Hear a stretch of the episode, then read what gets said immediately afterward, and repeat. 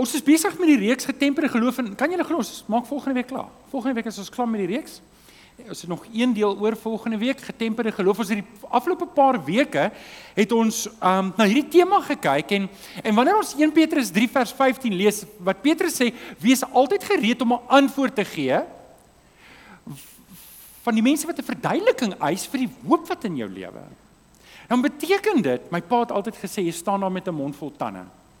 Um ek weet nie of dit regtig 'n Afrikaanse idiom is, maar dit beteken jy weet nie wat om te sê nie. Nou staan jy maar net daar en kyk. En wat Petrus hier vir my en jou uitdaag, is dat ek en jy moet verstaan wat ons glo en hoekom ons dit glo. En um dat daar diepte in ons geloof moet wees. Nou hierdie gaan nie daaroor om met mense te gaan stry, glad nie. Om die waarheid te sê, Paulus verbied dit om te stry met enigiemand. Jy kan nie iemand in die koninkryk in stry nie. En dis nie waar dit gaan nie. Maar ons het 'n klomp jong mense wat baie diep uitgedaag word by die skool op hierdie stadium. En as ons nie vir hulle 'n goeie antwoord gee vir waarom ons glo wat ons glo nie, dan gaan dan gaan hulle twyfel net verdiep en daarom moet ons self ook ons kan nie dis nie genoeg om net te sê maar ek glo nie. So as jy enige van die dele gemis het, hulle is almal aanlyn. Um ons het gekyk na eerstens bestaan God werklik? Daardeur het ons gegaan, is Christendom die ware geloof? Ons het gekyk na evolusie, die antwoord daarop. Ons het gekyk na is Jesus die enigste weg? Toe Domie Chris gepraat met die Bybel is die woord van God. Jy kan hom daar ook gaan kyk en dan het Kenneth laasweek gepraat, die kerk is Jesus se liggaam. Waar is Kenneth? Kenneth um Dankie vir laasweek se boodskap. Ek het dit baie geniet om ook na jou te luister. Nou, indien al hierdie goed waar is, indien alles wat ons tot dusver gesê het waar is. Ek hoop jy glo dit is waar. As jy glo dit is waar, sê mm. Okay, as alles wat ons tot dusver gesê het waar is en jy glo dit werklik, dan rus daar op my en jou 'n verpligting om die evangelie uit te dra. Daar is 'n verpligting. Ek en jy kan nie net sê, "Wow, is genoeg dat ek gered is. Ek is so bly ek gaan hemel toe." Ooh, ek is so bly ek gaan hemel toe maar ek hou dit vir myself nie. Daar is 'n verpligting en Paulus sê in 1 Korintiërs 9 vers 16, hy sê en onthou Paulus was fanaties daaroor om die evangelie te verkondig. Fanaties. En onthou, hy is die ou wat die wat die kerk vervolg het. En hy skryf in 1 Korintiërs 9 vers 16 en hy sê, "Want as ek die evangelie verkondig, is dit vir my geen roem nie. Dis iets waar ek trots is nie. Dis nie iets wat ek weet rondloop en sê, "Ha, kyk, ek verkondig die evangelie. Julle moet net sien ek verkondig." Hy sê, "Nee, nee, nee. Hy sê die dwang is my opgelê." Wat beteken onder die Heilige Gees is ek verplig. Ek kan nie stil bly nie. Ek mag nie stil bly nie. Hy sê, "En wee my as ek die evangelie nie verkondig nie. Nou vanoggend wil ek hê jy moet verstaan wanneer ons praat oor die evangelie verkondiging, dan praat ons ja oor die individu. Nie almal van julle gaan hier op die hoek van die straat staan en die evangelie verkondig nie. Nie daar nie.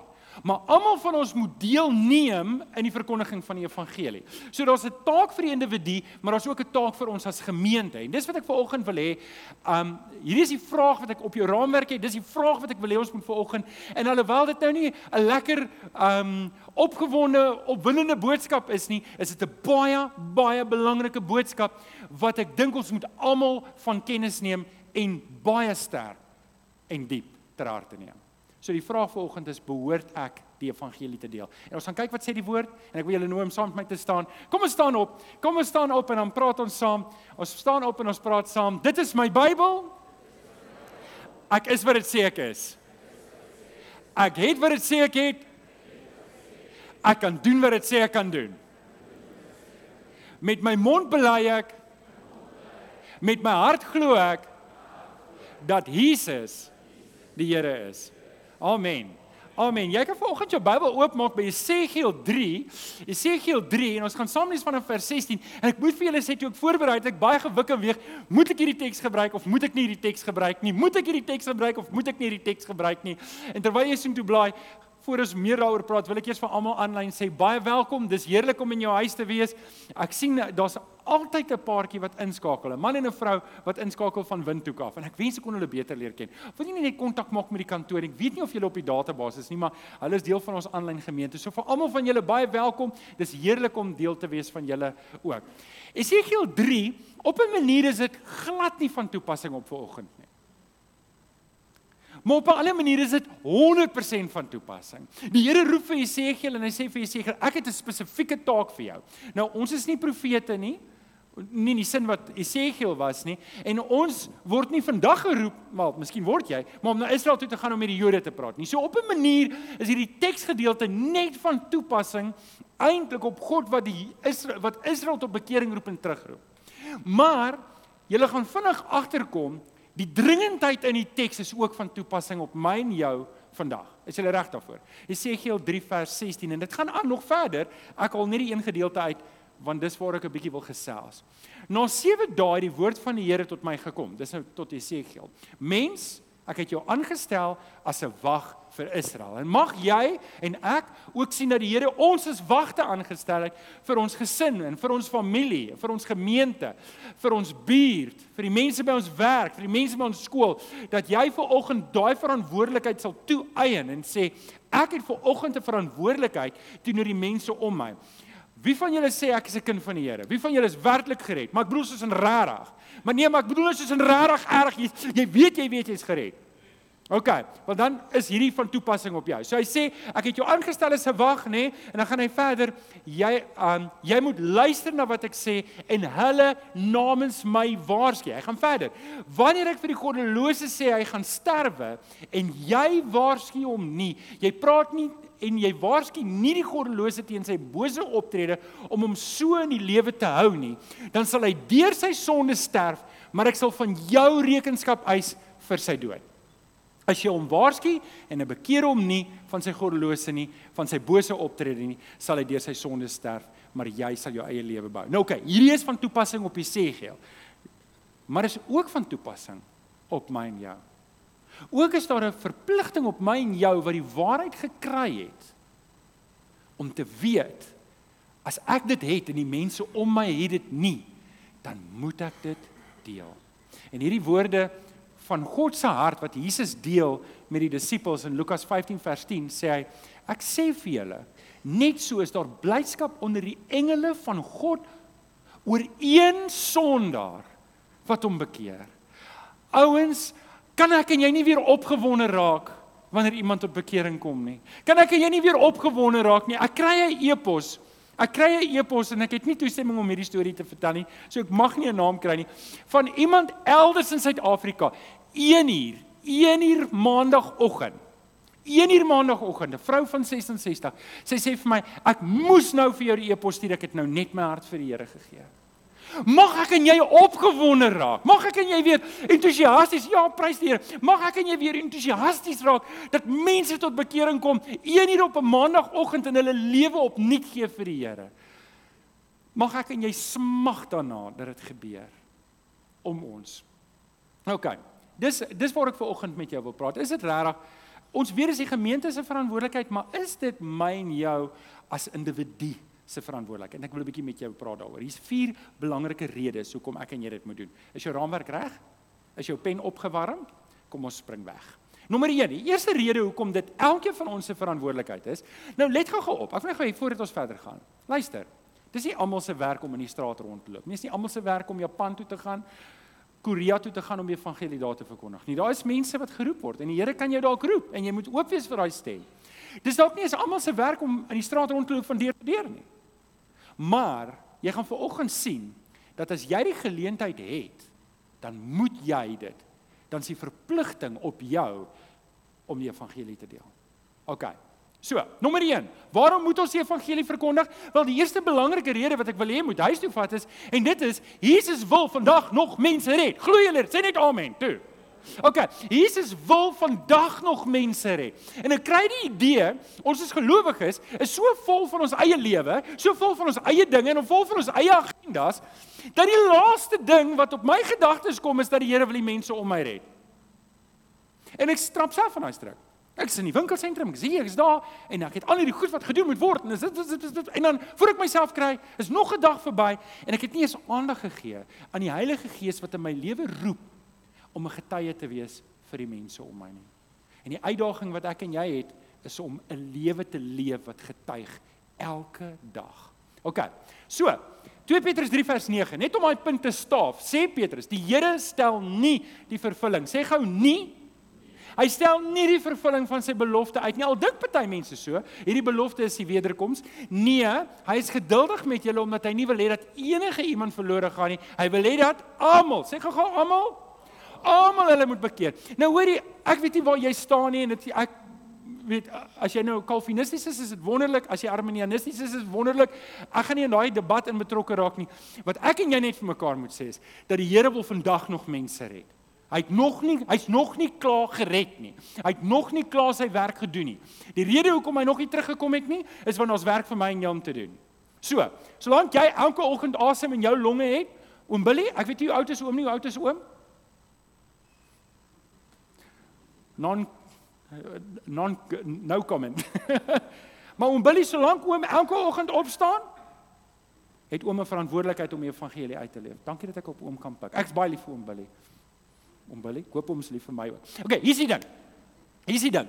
Jy dalk, jy dalk kinders wat nie die Here ken nie. Jy dalk 'n man of 'n vrou wat nie die Here ken nie. Jy het dalk familielede wat nie die Here ken nie. Jy is waarskynlik die enigste hoop en hulp wat daai persoon het.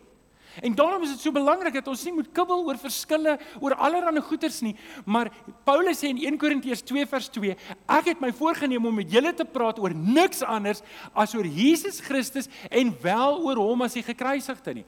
Hoekom nie? Want Jesus wil vandag nog mense red. Sê net vir die ou langsaan, Jesus wil vandag nog mense red. So, dis nou jou familie, maar dit gaan weier. Jou bure. Vanoggend 2 uur, nee, vanoggend 2 uur toe een van ons bure nou by die huis gekom. Ek weet nie waar dit is nie. Sê ja, Johan, wat se bier bly jy? En toe speel, ek weet nie of dit sy kar is of wat nie, maar hy speel toe harde musiek. Nou lê ek 2 uur wakker en ek nou hoe meer jy vir jouself sê ek moet slaap, ek moet slaap, hoe meer word jy wakker. Dit is nee, ek moet nou slaap, ek moet nou slaap. Mm, maar dis hierdie doef, doef, doef, doef. En dan um, en dan dink ek, ja, dis my buurt. Die Here het my daar geplaas. Nou ek sê nie almal wat 2 uur in die oggend musiek speel is ongelowiges nie. Alhoewel 2 uur in die oggend voel ek hulle is almal ongelowiges. ek moet nou versigtig wees van my bure is vir oggend hierso. so hier's die ding, jy's in daai buurt geplaas juis sodat jy 'n verskil kan maak. By jou werk. Wie van julle het mense wat moenie hande opsteek nie? Mense by die werk wat ongelowig is.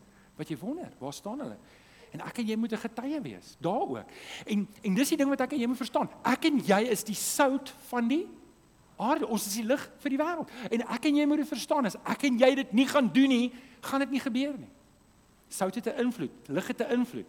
En en en daarom moet ek en jy verstaan. En as ek en jy hierdie ding kop en ons het dit reeds vir mekaar gesê, net Jesus kan dit. Ons gaan nou daar weer uitbrei.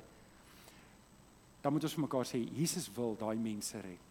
Daai mense wat my en jou so frustreer, Daai mense wat my en jou so irriteer, Jesus het vir hulle gesterf aan die kruis want hy wil hulle red en hy wil jou en my gebruik om by hulle uit te kom. Amen. OK. Die uitdaging wat ek baie keer hoor is mense wag vir die regte tyd. Het julle nog gehoor? Mense sê ek wag vir die regte tyd. Ek wag vir die regte geleentheid. Nee, maar die timing is everything. Jy praat nie sommer net met mense oor die Here nie. Weet jy nie, party mense gaan doodgaan voordat die timing reg is vir my en jou. En daarom moet ek en jy 'n bietjie meer 'n dringendheid en 'n angstigheid kry. Paulus sê dit baie duidelik vir Timoteus. Hy waarsku hom, hy dring eintlik by hom aan en sê: "Verkondig die woord." Hy besweer hom amper. Hy gee hom 'n opdrag: "Verkondig die woord en hou daarmee vol." Wil iemand raai? Wil iemand raai? Tydig En OK, OK. Dames, help my gou-gou. Wat beteken dit as iemand tydig opdaag? Dit kan baie dinge beteken. Maar ek het 'n vermoede dit kan net een ding beteken as hulle ontydig opdaag. Jy kry mense wat hulle weet presies wanneer is etentyd en hulle daag dan op. En jy gaan daai boontjies op daai stoof hou tot dit houtskool is en dan gaan jy dit maar deel met die mense, nê. Nee. Ontydig per definisie beteken dis nie nou die regte tyd nie, maar jy doen dit in elk geval. En nou ek daar moet 'n sensitiwiteit wees. daarmee stem ek saam. Maar ek kan nie besluit hoe weet ek wanneer is dit nou die tyd? Wie besluit nou wanneer is dit die tyd? Paulus sê tydig en ontydig. OK, so dis nommer 1. Jesus wil vandag nog mense red. Nommer 2, waarom moet ek en jy en ons as gemeente die evangelie deel? Rede nommer 2 is want ons geen ander manier nie. En ons het dit eintlik gesê by deel nommer 2, maar toe het ons dit meer as 'n teologiese feit neergesit. Nou maak ons dit 'n praktiese ding in ons eie lewe. Daar's geen ander manier hoe mense gered kan word nie. Petrus maak dit duidelik in Handelinge 4 vers 12. Hy sê, "Hy, dis Jesus Christus. Hy bring die verlossing en en niemand nie anders nie. Niemand anders nie. Daar is geen ander naam op die aarde aan die mense gegee waardeur God wil hê hulle moet verlos word nie. Daar's net een naam wat ek en jy kan aangryp om gered te word en dis die Here Jesus. En dis die naam wat ons daar buite moet hou. Dis die naam wat ons daar buite moet uit. Dis hy wat mense van hulle sonde wil verlos. Dis hy wat mense se lewens wil verander. Niemand kan gered word op enige ander manier nie. Jy kan nie gered word deurdat jy elke Sondag in die kerk is nie. Asseblief, moenie ophou kerk toe kom. Dis heerlik om julle hier te. Ek hou baie van julle. Vanoggend toe ons daar in die voorportaal staan by die nuwe kombuis toe, lekker vir my. Dit lyk soos 'n magneet, dit trek die mense so. En dit raas so. Ek is so 'n bietjie spyt oor hierdie mure. Want is nou skielik stil in die kerk. Het julle agtergekom? Kom sit hier so nou. Nou wonder jy, hoekom praat niemand nie? Almal praat saggies met mekaar. OK, maar dis lekker daar. So, hoorie, kom asseblief kerk toe. Maar jy kan jouself nie red deur om kerk toe te kom nie. Jy kan al die goed doen. Jy kan jy kan uitgaan op sendingreise saam met ek weet nie Rooikruis en meel vat in Ethiopië na arme mense toe. Jy kan dit met die res van jou lewe doen 'n filantropiese persoon raak en dit sal jou ook nie red nie. Dit sal jou ook nie red nie. Jy kan al die geld wat jy het vir die armes gee en al jou besittings verkoop. En dit sal jou ook nie red nie. Want sien, ek kan myself nie red deur om goeie dinge te doen nie. Goeie werke kan my nie red nie. Mense, jy kan jouself nie red nie. Ek kan myself nie red nie. Dis ons gebruik oor en oor hierdie illustrasie van hoe wat besig is om te verdrink. En nou nou sê hy nee, maar ek het nou besluit ek wil maar nou gered wees, maar daar's niemand wat hom 'n reddingsboei uitgooi nie. Hy gaan verdrink al het hy besluit hy wil gered wees. As hy nie kan swem nie, gaan hy verdrink. En Efesiërs 2 vers 5. En en hierdie ding wil ek net by julle ook tuisbring dat genade is 'n groter ding as wat ons dit maak. Ons is lewend gemaak saam met Christus. Uit genade is jy gered. Nou genade is iets wat vir jou gegee word. Jy verdien dit nie. Genade is iets wat aan jou toegeken word, aan jou toegereken word. Is iets waarvoor jy kan werk nie. Is iets wat jy is jy kan jy kan niks doen om dit te verdien nie. Jy kan niks doen om dit te verkry op enige manier nie. Dis dis nie vir jou om voor te werk nie. Um Paulus gaan verder in vers 8. Hy sê want uit genade is jy gered deur die geloof. Nou geloof is nie iets wat ek doen om gered te word nie. Geloof is net dit om te aanvaar dit wat Christus vir my gedoen het terug na my reddingsboei. As ek vir die reddingsboei uitgooi Tersius, jou geloof is net om daaraan vas te hou. Dis al wat dit is. Jy hou net vas daaraan. En dis geloof. Geloof is net om te aanvaar, om Christus se reddingswerk en sy versoeningswerk aan die kruis te aanvaar en te sê ek verstaan, dit was vir my. Nou as ons dit kan sê, as ons dit vir mekaar kan sê, dan wil ek hierdie aanhaling aanhaal. En dit sê you are saved not by good works but for good works. Hier is 'n belangrike klemverskywing. Ek doen die dinge nie om gered te word nie. Ek doen dit omdat ek gered is. Ek kan nie anders nie. Ek ek is gered om my lewe toe te wy aan goeie dade, sê Paulus. So kom ek gee net een tree terug. Want ons het vir mekaar gesê die punt hier waarmee ons besig is, Jesus is die enigste manier hoe ek gered kan word, reg? So kom ek ken net vir die evangelie in 'n nete dop en en ek het al mense gekry om sê Johan, hoekom deel jy die evangelie omtrent elke Sondag? En, want hier's die realiteit. Hier sit vanoggend mense wat nog nie Jesus aangeneem het nie. Hier sit vanoggend mense wat in hulle hart weet, hulle is nog nie gered nie. Hulle weet dit. Jy sit mense vanoggend wat nie gered is nie, hulle weet dit ook nie. Hulle dink deur om kerk toe te kom maak hulle gered, deur om te probeer en harder te probeer en nog heiliger te probeer lewe in hulle eie krag red hulle. Maar maar hier sit vanoggend mense. Daar's mense vanoggend aanlyn wat nie gered is nie. Hulle kyk dit en hulle het nodig om dit te hoor. En ek en jy het nodig en hier's die ding wat ek jou wil vra. Kan ek gou-gou as jy nou vir al as jy weet jy's gered. Nou ek praat nou van jy's regtig gered, jy weet dit. Wil ek jy moet my nou nie oë kyk. As ek ooit begin hier met die evangelie deel, dan moet jy saam met my begin bid en sê Here, as hier iemand ver oggend is wat nog nie gered is nie, werk deur die Gees. Glo jy in die krag van gebed? Glo jy in die krag van gebed? Ek doen ook. So as ek begin met die evangelie deel en begin jy bid en sê Here, red vandag mense. Daar's niks, daar's niks wat soveel entoesiasme en energie opwek in ons harte as ons sien iemand word gered nie. Wat sê Jesus? Daar's blydskap in die hemel as een persoon tot bekering kom. En dit moet my en jou hart ook wees. So die evangelie in 'n neutedop. Johannes 1:9 sê almal het sonde gedoen. Dit sluit my in en jou in. Almal van ons wat hier sit, is in sonde gebore. Ons is verlore gebore. En en en Paulus gaan in Romeine 3 vers 23 sê en dit maak dat ek en jy ontbreek aan die heerlikheid van God. Ons harte en ons gedagtes is ingestel om vir onsself te lewe. Nou party van ons lewe beter as party ander. Ek bedoel party mense, hulle is rarig sleg. Ken jy sulke mense? En as jy kyk na die slegte mense daar buite, dan dink jy my is daarom nie so sleg nie. Jy weet ek lyk daarom nog beter. Maar in ons harte is almal van ons van geboorte af inherënt boos. En omdat ons so is, sê Paulus in Romeine 6 vers 23, is ons verlore. Die loon wat die sonde gee, is die dood. Daar's net een manier hoe ek en jy gered kan word. Petrus maak dit duidelik in Handelinge 2 vers 38. Hy sê: "Toe antwoord Petrus: "Hulle bekeer julle en laat elkeen van julle gedoop word."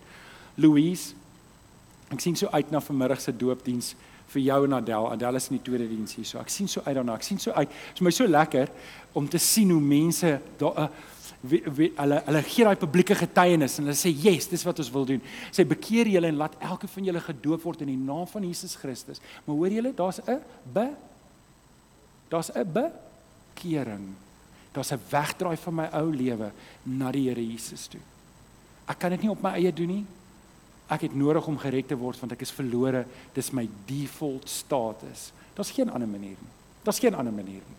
OK. Kom ons gaan aan. Nommer 3. Waarom waarom moet ons as gemeente, waarom moet ons as individue 'n uh, 'n sensitiwiteit hê, 'n begaandheid, 'n dringendheid hê om die evangelie te verkondig? Wel, daar's net twee ewige realiteite. Daar's net twee ewige realiteite en ek en jy moet dit verstaan. Um Wie van julle ken ten minste een persoon naby aan jou wat oorlede is? Waar is hulle? sien, as hulle weg is, dan vergeet ons van hulle, nê? Wel, hulle is weg, hulle is dood.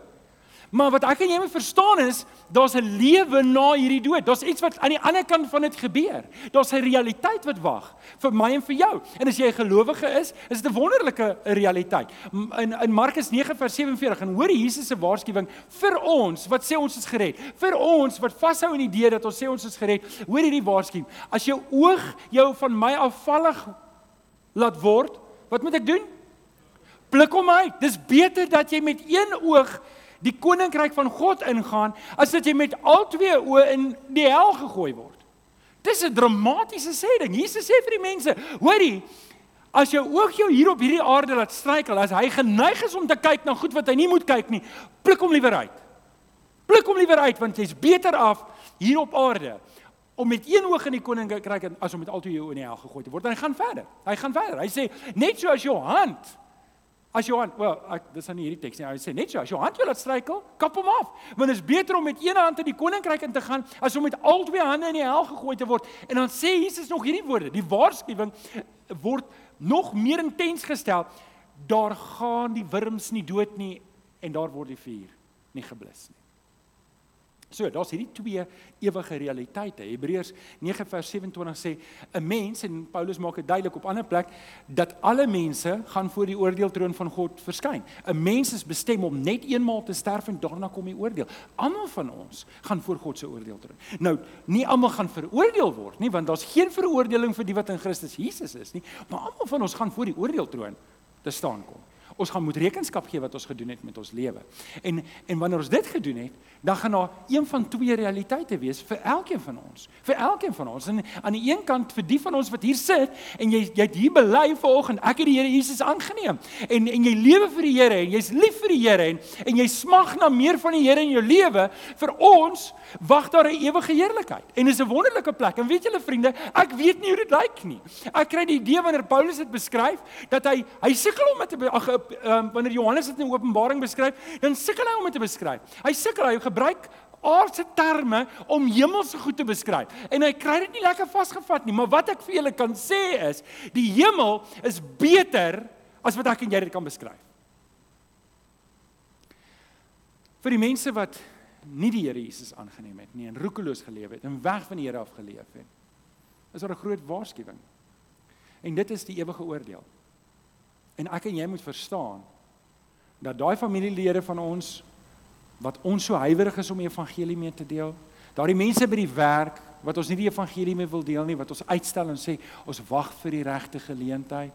En en ons ons gaan net nog 'n dag aan, nog 'n dag aan en intussen brand die Heilige Gees in my hart om te sê praat, praat, praat, maar ek hou dit terug. Dis die ewige realiteit vir hulle. En ons het reeds by die tweede punt gesê en die Here wil hulle red. Maar ek en jy moet ons monde oopmaak en begin praat. Ek hoor baie mense sê ja, maar God is 'n genadige God. En ons gebruik dit as 'n verskoning hoekom ons nie die evangelie deel nie. Ons gebruik dit as 'n verskoning hoekom ons stil bly. Nee, maar God is 'n genadige God. Hy sal hy sal hulle red. En intussen roep die Here my en jou om te vertel. So daar moet 'n dringendheid in ons harte wees. Daar moet 'n dringendheid wees om te sê Here, help vir my dat ek vrymoedigheid sal hê en oor myself sal kom. OK, dit bring ons by die laaste een. Kom bring ons by die laaste een. Hoekom is dit belangrik om die evangelie te deel? Wel, dis 'n opdrag. Die Here gee vir my en jou die opdrag. Ek het 'n paar interessante goed wat ek met julle wil deel vanoggend. In Markus 16 vers 15. Ons ken hierdie. Um gee Jesus die laaste opdrag aan sy disippels en hy sê gaan uit na die hele wêreld in, verkondig die evangelie aan die hele mensdom. So dis die basiese opdrag en jy kan saam met my redeneer. Ja, maar Johan, daai is eintlik aan die disippels. Maar hoorie, die disippels het baie goeie werk gedoen. Want ons is nou 2000 jaar later en hier sit ons en ons staan op hulle skouers. Ons bou op wat hulle gedoen het. Want hulle het 'n goeie grondslag gelê en die mense na hulle het dieselfde werk gedoen en dit het, het aanhou en aanhou en dit het in Handelinge 8 vers 4 lees ons iets belangrik wat gebeur het en ek wil 'n bietjie meer daaroor praat. Hy in Handelinge 8 lees ons nou die kerk is al in die gang en dinge is al besig om te gebeur en ons lees die gelowiges was vervolg onder andere deur Paulus en hulle was doodgemaak. En die gelowiges wat uitmekaar gejaag het, het so ver soos wat hulle gegaan het die evangelie verkondig het hulle bang geraak en gesê, "Ooh, nou gaan ons 'n bietjie stil bly totdat tot tot dit 'n bietjie kalmer raak daarbye." Nee.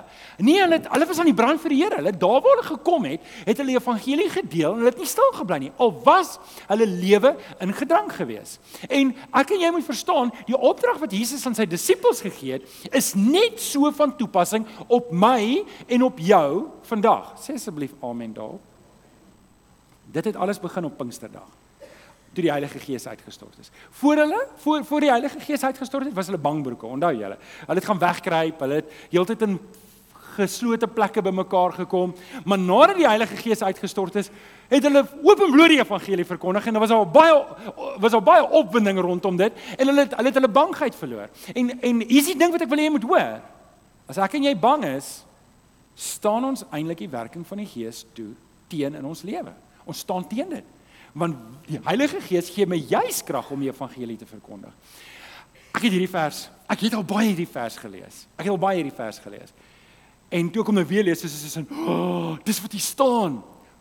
Die Hebreërskrywer praat oor al die helde van die geloof van die Ou Testament. En dan skielik skakel hy oor na die Nuwe Testament. Nou, ek het gekyk wanneer is Hebreërs geskryf, maar kan nie nou onthou nie. Maar kom ons sou sê dis 64, kom ons sê dis 50 na Christus. So dit was nog vroeg. Was nog vroeg. Die van julle wat vinnig Google gaan vir my kan uitskree. Maar die Hebreërskrywer en hy skryf hierdie woorde oor gelowiges wat vervolg is in hulle tyd. Hy skryf van goed wat gebeur het in sy tyd. Hoor wat skryf hy? Hy sê gelowiges is met klippe doodgegooi. Nou oké, okay, dit klink so stenig, maar hoor die volgende sin. Hulle is in stukke gesaag. Met die swaard vermoor. Hulle het rondgeswerf in skaapvelle en bokvelle. Hulle het gebrek gelei, is verdruk en mishandel. Die wêreld was hulle nie werd nie. Hulle het rondgeswerf in woestyne en op berge en en het in grotte en in gate in die grond gelewe. Dit is my en jou broers en susters in Christus wat voor ons geleef het. Dis hoe radikaal hulle was vir die evangelie. Ouens rarig ons kan beter doen. Rarig. Nie ons kan nie, ons moet. Rarig ons ons moet beter doen. Ons ons moet beter ons kan, hierdie wat ons en ek praat met myself, rarig ek praat met myself. Ek praat nie ek probeer nie vir jou nou hier staan en sê luister na my. Ek praat net ons moet beter doen. Rarig ons dit wat ons die dit wat ons op die tafel sit laat veel te wense. Dis nie genoeg nie. Dis nie genoeg nie. Hierdie boek um is 'n klassieke boek, is al lankal geskryf, baie oud al. Uh The Foxes Book of Martyrs. Dit skryf ek dink net vir die eerste 4 of 500 jaar van gelowiges wat vervolg is.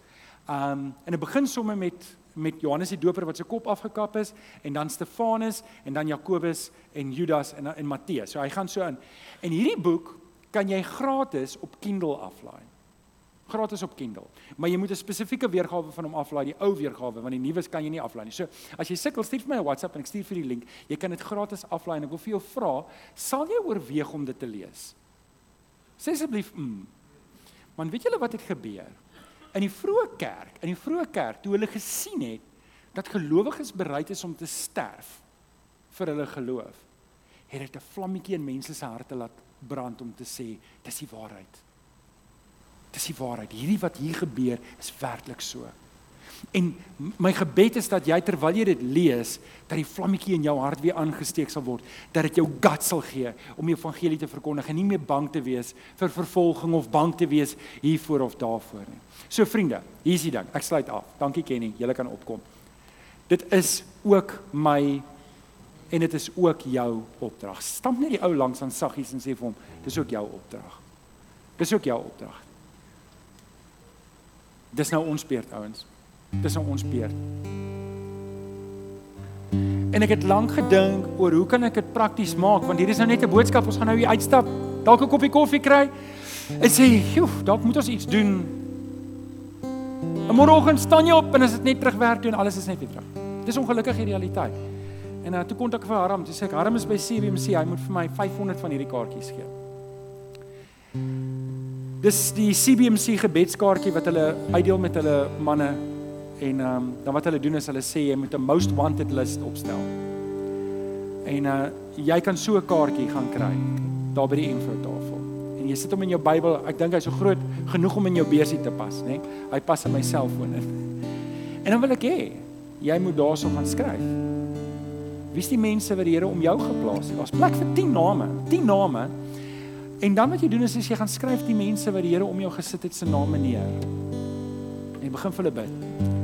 En begin vir die Here vra, Here, gee vir my 'n geleentheid om met hulle te praat. En ek weet, dis vir meeste van ons moeilik om die evangelie te deel. Uh, en daarom moet jy dalk weer buurtwag gaan aflaai wat ons gedoen het in begin laas jaar.